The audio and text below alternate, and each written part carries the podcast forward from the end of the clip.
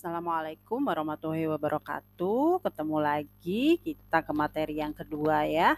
E, sebelum saya memberikan e, materi utamanya yaitu bagaimana menulis kisah inspirasi atau inspiratif, saya mau menceritakan dulu nih tentang gimana sih sebenarnya emak itu harus melek digital gitu ya. Karena saat ini mau nggak mau kita harus menghadapi nih yang namanya digitalisasi gitu ya ceritanya gitu kan. Nah, di dalam uh, era digital saat ini atau saya bilang dunia digital saat ini dari uh, program Kominfo Kementerian Komunikasi dan Informatika di Indonesia, mereka sudah punya platform yang namanya literasi digital. Jadi uh, tahun kemarin saya banyak berkecimpung di dunia literasi, tapi literasi secara konvensional. Saya berpikir saat ini kan banyak yang sudah berubah ya, harus e, berada atau kita harus sudah siap yang e, mana kita ada di dunia digital. Jadi e, saya mencoba tahun ini untuk belajar banyak dan juga menebarkan tentang literasi digital. Kebetulan saya itu sebagai narasumber nasional tetap dari program Kominfo tentang literasi digital. Jadi hampir tiap hari saya hmm, ada webinar sebagai narasumber untuk uh, program atau event dari uh, Kementerian Kominfo ini tentang literasi digital. Dari Kominfo sendiri itu ada empat pilar dari literasi digital. Yang pertama ada digital skill atau keterampilan atau kecakapan digital, kemudian yang kedua digital culture atau uh, budaya digital, yang ketiganya adalah digital ethics atau etika kita di dunia digital, dan yang keempatnya adalah digital safety yaitu keamanan dan kesehatan dalam aman dan sehat dalam uh, dunia digital gitu. Itu selalu digaung-gaungkan. Empat pilar ini setiap kali webinar selalu ada. Entah eh, temanya tentang apa yang berhubungan dengan digital, tetapi selalu membawakan eh, dengan empat pilar ini. Kemudian eh, digital literasi juga itu sebenarnya sangat-sangat dibutuhkan pada uh, saat ini untuk uh, baik dari usia remaja, uh, apalagi emak-emak yang saat ini mendampingi anak-anaknya untuk belajar secara online gitu ya uh, perlu banyak sekali apa itu skill, keterampilan, kemudian bagaimana etikanya di dunia digital, kemudian keamanannya bagaimana, juga budayanya gitu ya. Kita akan bahas satu-satu cara pelan-pelan dulu ya, uh, digital skill dulu atau keterampilan digital. Ini apa sih keterampilan digital? Jadi pada saat ini digital itu kan e, perubahan. E, kita melakukan aktivitas sehari-hari dengan sebuah perangkat gitu yang tadinya analog jadi e, digital gitu. Dan perlu sebuah teknologi gitu kan. E, kayak gadget itu alatnya ya gadget atau smartphone gitu ya. Kemudian e, komputer laptop gitu ya. Jadi e, kita harus mampu uh, memahami atau memiliki kemampuan tentang uh, ilmu atau wawasan penggunaan dari perangkat digital itu sendiri. Bagaimana kita memiliki skill atau keterampilan menggunakan HP, menggunakan laptop gitu kan. Kemudian yang keduanya juga kita harus memahami dan terampil menggunakan media sosial dan kegunaannya seperti apa. Karena kita sosialisasi saat ini apalagi uh, pandemi Covid-19 benar-benar sosialisasi kita yang biasanya kita suka berkerumun sekarang ini uh, dilarang atau dibatasi gitu ya untuk berkerumun. Jadi mau nggak mau kita perlu sebuah wadah atau media untuk sosialisasi. Jadi kita juga perlu tahu nih etikanya gimana juga harus uh, berada di media sosial gitu. Selain itu juga uh, banyak juga pendukungnya dari uh, perangkat-perangkat digital ini. Kita nggak bisa ngapa-ngapain kalau kita nggak pakai aplikasinya atau softwarenya. Jadi kita harus terampil nih menggunakan aplikasi atau software di dunia digital, apalagi uh, untuk guru-guru, untuk pembelajaran jarak jauh, untuk seorang entrepreneur atau seorang pembisnis. Dia perlu sekarang ini untuk beberapa aplikasi yang mana untuk meningkatkan uh, skill dia agar uh, di pengembangan dirinya atau apa yang ingin diinginkan tujuannya agar tercapai di dunia digital. Kemudian juga uh, mempunyai atau mampu mengaplikasikan uh, dunia digital itu menjadi apa ya menjadi hal yang positif gitu loh. Kita tahu di dunia nyata juga ada banyak hal-hal positif dan negatif gitu loh. Tapi dunia digital itu lebih rawan, lebih banyak e, tersebar hal-hal yang negatif karena tidak berbatas waktu dan jarak juga gitu kan. Jadi e, benar-benar kita sekarang belajar pun e, saya menggunakan Anchor itu merupakan sesuatu yang harus saya miliki skill ini. Salah satunya saya bisa menggunakan uh, rekaman suara saya gitu ya. Jadi uh, ini yang harus uh, ini adalah bukti salah satu bukti bahwa uh, kita harus mampu me, tetap produktif dan bisa tetap kreatif. Bagaimana kita bisa belajar di mana saja. Kemudian juga kita belajar atau mampu berinteraksi dan berkomunikasi di dunia digital. Pada saat awal pandemi itu biasanya saya ngajar di depan kelas, ketemu sama mahasiswa saya gitu.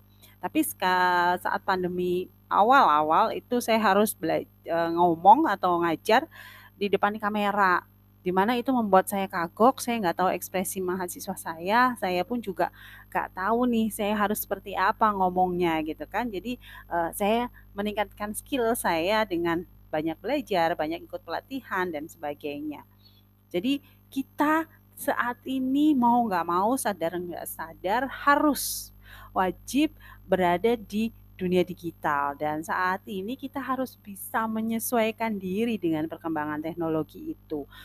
Sebenarnya gampang kok intinya di dunia digital itu mengunduh, download gitu ya, mengunggah, upload, menggugah ini yang kadang-kadang sering kita lupa. Menggugahnya ini ya membuat kita terinspirasi atau memberikan inspirasi kepada orang lain. Dan juga kita harus produktif, tidak hanya konsumtif saja, lihat TikTok, downloadin share TikTok gitu ya, WA juga uh, hanya share-share dari postingan orang. Kenapa kita nggak coba untuk membuat status-status yang mengedukasi, membuat status-status yang positif yang bisa bermanfaat buat orang lain gitu kan? Uh, sebenarnya itu sih kecanggihan atau apa yang harus kita uh, perbuat gitu ya. Seperti ini mengupload uh, rekaman suara saya, saya mau menggunakan apa nih gitu kan. Yang paling gampang sih simple memang pakai Anchor. Jadi uh, bisa didengarkan kapan saja gitu ya, nggak perlu harus uh, melihat videonya, tapi uh, bisa jadi sambil masak lihat uh, slide-nya atau dengerin saja gitu bisa tanpa banyak kuota di sini nggak perlu hmm, download aplikasi Anchor-nya. Tinggal klik saja sudah bisa masuk ke Anchor-nya.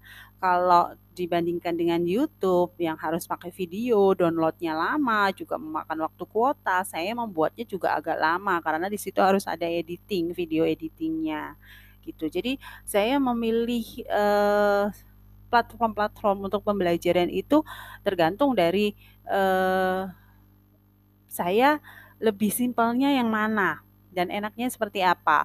Yang paling gampang itu kan biasanya pakai voice note-nya. Kalau voice note itu uh, saya kurang ini uh, karena bisa hilang. Tapi kalau di Anchor uh, saya sudah rekam seperti ini, saya bisa berikan uh, kepada yang lainnya atau orang lain yang mau belajar bisa uh, bisa melihat link-link saya yang ada di Anchor. Kemudian skillnya kalau mak-mak milenial itu harus apa sih? Minimal desain grafis pakai PixArt atau pakai edit uh, foto yang ada di aplikasi uh, Android juga bisa. Untuk apa? Karena membantu anak-anak kita yang sedang belajar online biasanya harus kirim foto gitu ya di kolase. Nah, itu dia. Simpelnya seperti itu. Nggak usah mikir harus pakai Corel, harus pakai Photoshop enggak. Saya pun kalau lagi males uh, ada tugas anak pakai uh, editor yang ada di uh, bawaan dari HP saja gitu. Atau kalau kita mau rada-rada uh, canggih gitu ya pakai PicsArt atau pakai Canva itu bisa. Kemudian video editing video editing hmm, nggak hmm, pakai video juga nggak apa-apa sih sebenarnya tapi untuk kompresnya kita bisa pakai KineMaster misalnya. Uh, itu yang gampang gitu kan yang hanya bisa dilakukan di HP gitu kan. Kemudian fotografi minimal, emak bisa memfoto hasil-hasil uh, kerjaan anak gitu ya yang lebih uh, teaching gitu kan yang lebih enak dilihat. Dan kalau diupload di media sosial itu nggak ngebosenin gitu kan. Nah itu uh, atau misalnya kita mau pasang foto-foto kita di media sosial itu mau nyimpen di situ bagus-bagus uh, gitu angelnya minimal itu. Kemudian harus bisa nulis. Nulis inilah yang orang itu aku nggak bisa nulis gitu ya seperti materi yang pertama itu. Tapi ini mau nggak mau harus bisa loh.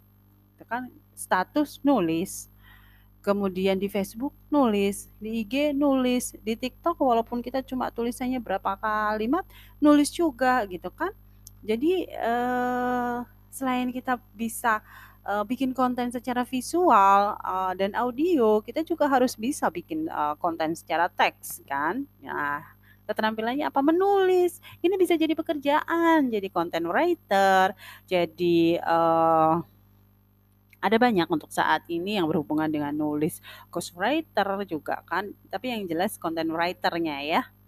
Kemudian konten kreator konten kreator misalnya kita harus uh, mau jualan nih atau kita sebagai pengusaha atau pembisnis gitu ya mau jualannya di mana? Live IG atau mau bikin video di TikTok aja deh yang 30 menit atau uh, eh, 30 detik atau 60 detik saja videonya pendek gitu ya.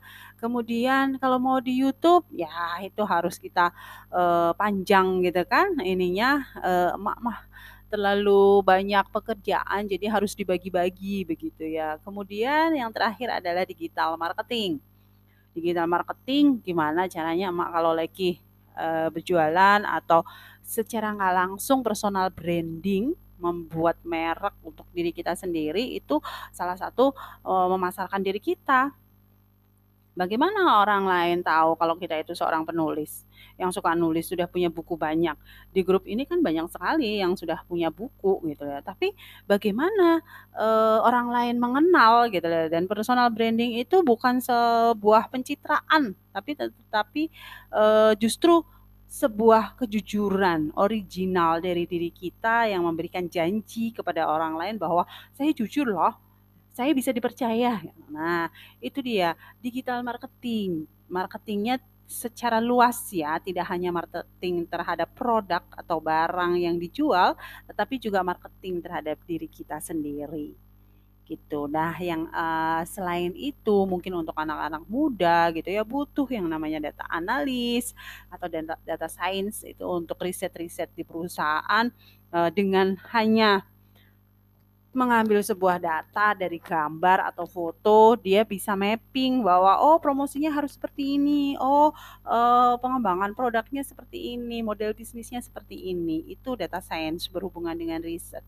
Kemudian software development seperti membuat aplikasi-aplikasi yang ada di Android ataupun di uh, Apple itu perlu sekali untuk saat ini game apa segala macam platform-platform untuk pembelajaran itu uh, banyak dibutuhkan untuk ke depannya kalau mungkin ibu-ibu uh, semuanya atau kakak di sini semuanya punya anak bisa diarahkan untuk uh, menjadi software develop, development.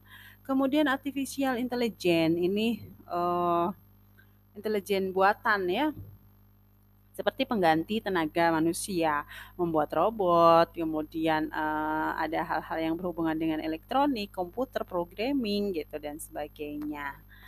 Nah, itu adalah digital skill kita. Kita harus punya apa sih gitu ya. Selanjutnya adalah digital etik. Di dunia nyata maupun di dunia maya sama-sama mempunyai etika. Etika itu kan aturan, norma yang berlaku di masyarakat gitu ya, baik yang tertulis ataupun yang tidak tertulis. Kalau yang tertulis namanya norma, kalau yang tidak tertulis biasanya namanya nilai gitu ya. Tapi di yang namanya di dunia digital ada namanya warganet netizen gitu ya. Nah, etika netizen itu namanya netiket.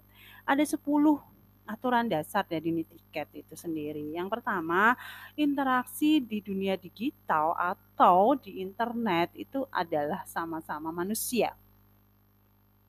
Saya berhubungan dengan ibu-ibu, emak, kakak yang ada yang mendengarkan uh, ankor saya ini itu adalah manusia, bukan robot saya hanya dibatasi oleh sebuah perangkat ya, perangkat digitalnya baik HP ataupun laptop gitu. Yang keduanya tentu punya aturan main dong.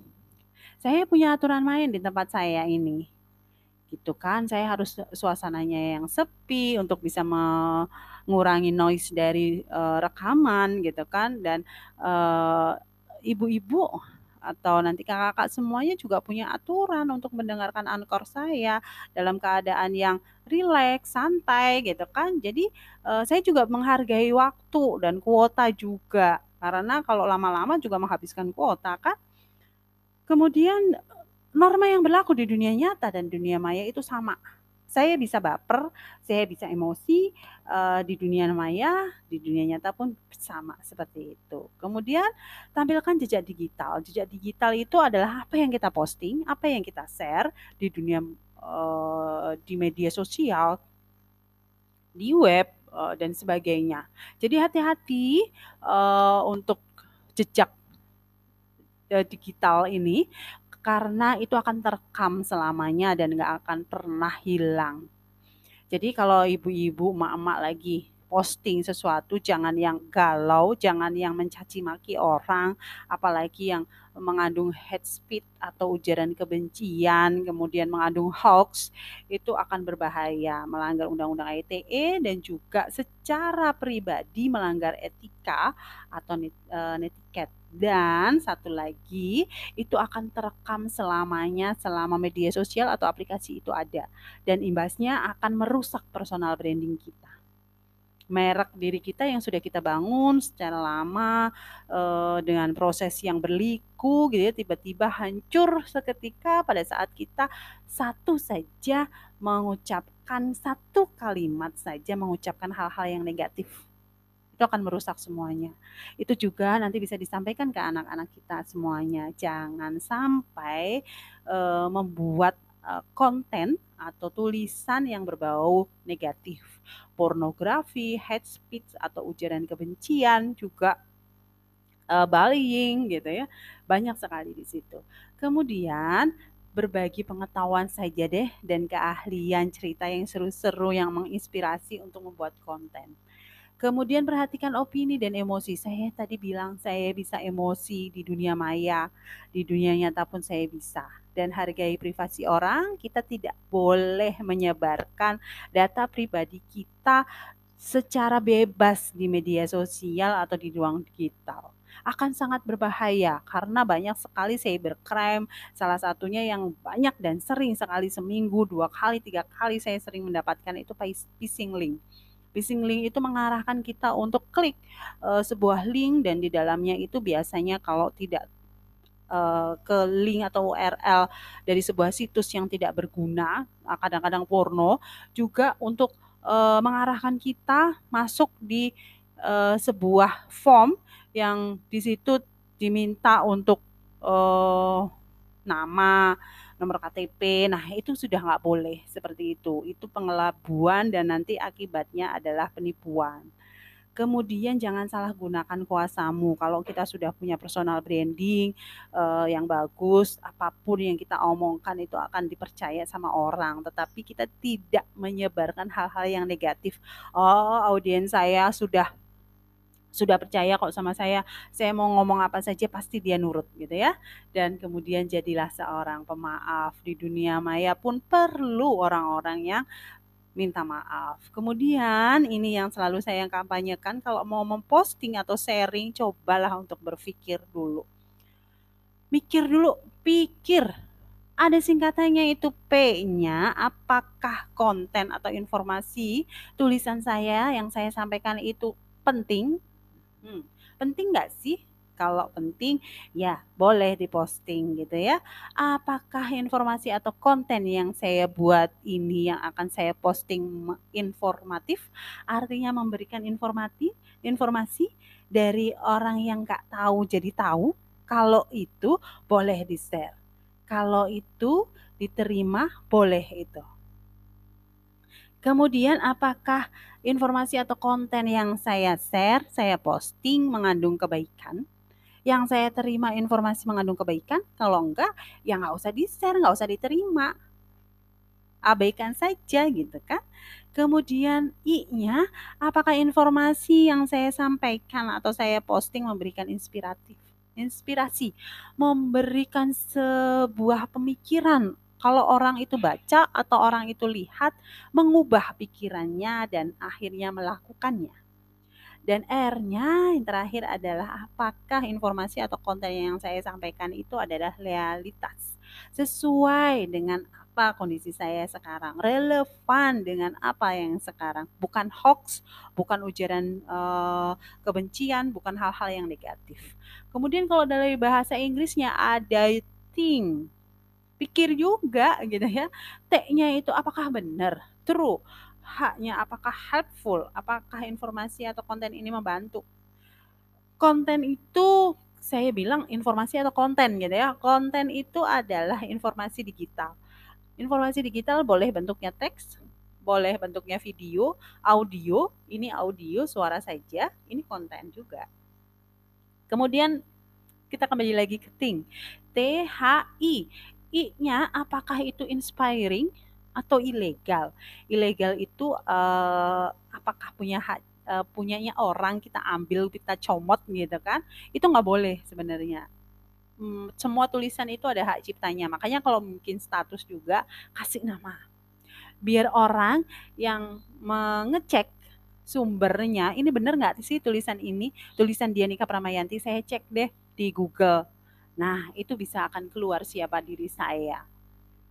Kemudian N-nya adalah it is necessary, butuh dengan informasi itu dan K-nya yang terakhir adalah kind. Jadi kalau kita ketemu sama konten-konten negatif, konten-konten yang mengandung hoax, ujaran kebencian, kebohongan, sebenarnya bisa loh dilaporkan.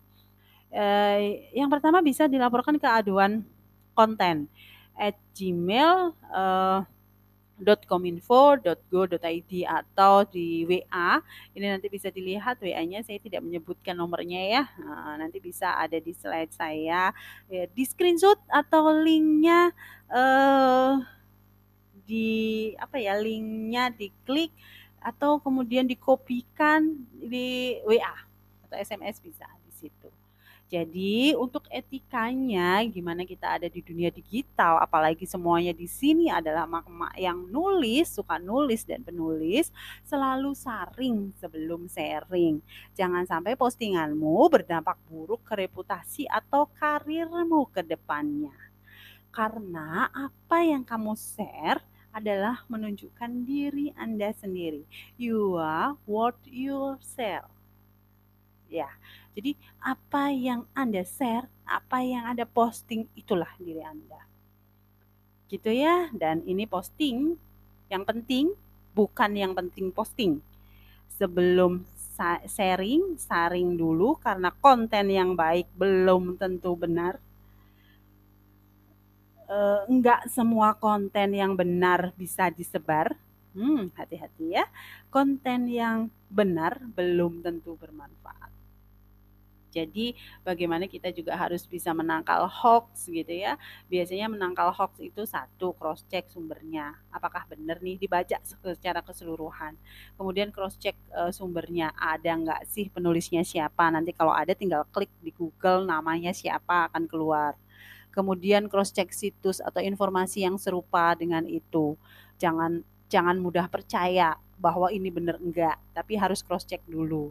Kemudian kita tadi berpikir dulu, benar nggak sih ini inspiratif nggak sih, mengandung kebaikan nggak sih? Kalau itu semua nggak ada, lupakan, gitu ya.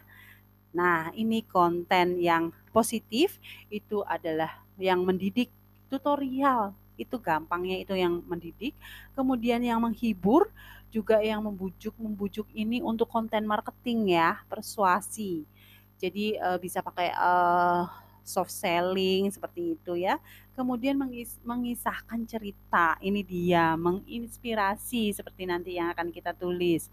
Kemudian share worthy, share worthy itu viral, viral yang bisa di-share atau dibagikan berkali-kali. Artinya hmm, orang yang uh, membaca atau melihatnya itu tergugah pemikirannya dan akhirnya dia senang izin share ya, izin share seperti itu. Dan kemudian setable. Setable itu mudah untuk dicari di uh, search engine uh, seperti di Google dan sebagainya. Dan yang ketiganya adalah digital culture. Ini berhubungan dengan budaya digital. Budaya itu adalah sesuatu mengenai kebudayaan yang sudah berkembang. Digital itu sendiri adalah yang berhubungan dengan angka, berhubungan dengan komputer dan sebagainya. Jadi budaya digital adalah sebuah sistem perubahan pola pikir masyarakat dalam menghadapi uh, sistem transformasi informasi dalam bentuk formal digital yang didukung dengan kegunaan komputer dan internet. Nah, itu dia budaya digital. Ingat bahwa di Indonesia itu ada banyak sekali yang namanya uh, budaya. Konteks keindonesiaan warga negara digital itu ada multikultural, majemuk masyarakatnya dan demokratis. Multikultural itu apa sih sebenarnya? Berbeda-beda, tetapi satu jua itu Bhinneka Tunggal Ika gitu ya. Jadi kita harus pahami bahwa di Indonesia itu banyak sekali perbedaannya, keberagamannya, tapi dengan dunia digital tetap kita harus bersatu. Karena itu tadi dunia digital uh, tidak ada batas jarak dan uh, waktu juga bagaikan mata pisau dua mata pisau yang tajam dan yang tumpul.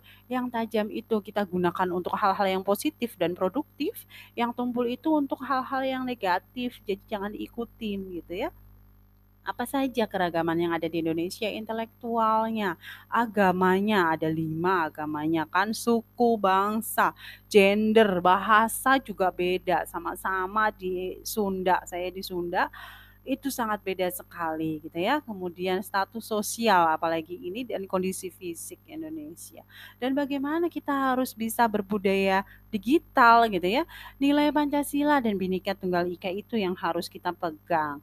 Apa pun yang kita uh, kerjakan, apa pun yang kita lakukan di dunia digital harus ingat berpegang pada Bhinneka Tunggal Ika bahwa kita beragam, berbeda-beda, tetapi kita tetap satu dan juga nilai-nilai Pancasila harus tetap diimplementasikan, uh, diaplikasikan di dunia uh, digital gitu. Nah, ini biasanya mengenal kekacauan informasi uh, salah ataupun yang uh, sengaja Eh, dilakukan. Ada yang namanya misinformasi, ada disinformasi, uh, malinformasi gitu ya. Nah, ini hati-hati sekali karena apa? Karena dengan keberagaman uh, masyarakat dan lingkungan Indonesia kadang-kadang kita mudah sekali terprovokasi dan akhirnya kita mengikuti hal-hal yang tidak baik gitu ya. Dan terakhir adalah digital safety, itu adalah internet aman dan sehat. Amannya kenapa? Amannya itu bahwa apa yang kita lakukan di dunia digital, apa yang kita gunakan di internet itu melindungi diri sendiri dan juga orang lain. Sehat juga tidak melanggar undang-undang ITE dan juga eh, tidak menyebarkan hal-hal yang negatif seperti hoax, kebohongan gitu ya. Kenapa? Karena di dunia digital juga ada yang namanya cybercrime. Saya mendapatkan data ini uh, bahwa cybercrime yang tertinggi itu berada di uh, perangkat desktop ataupun laptop, kemudian di ponsel dan jumlah kejahatan di Indonesia semakin meningkat dan konten negatif yang terbanyak itu adalah penipuan Dan platform yang banyak terpapar oleh cybercrime itu adalah WA, kemudian Instagram, eee, dan Facebook. Yang paling banyak itu WA. Tadi saya bilang saya mendapatkan phishing link itu seminggu bisa 2 kali sampai 3 kali. Jadi hati-hati. Jadi ini ada, eee, berdasarkan penelitian saya gitu ya, pengamatan saya, jenis-jenis cybercrime yang ada di dunia digital itu saya mendapatkannya ada 15. Ada penipuan, ada phishing link seperti tadi ya, ada malware. Malware itu, eee, seperti trojan, virus gitu ya, bom email.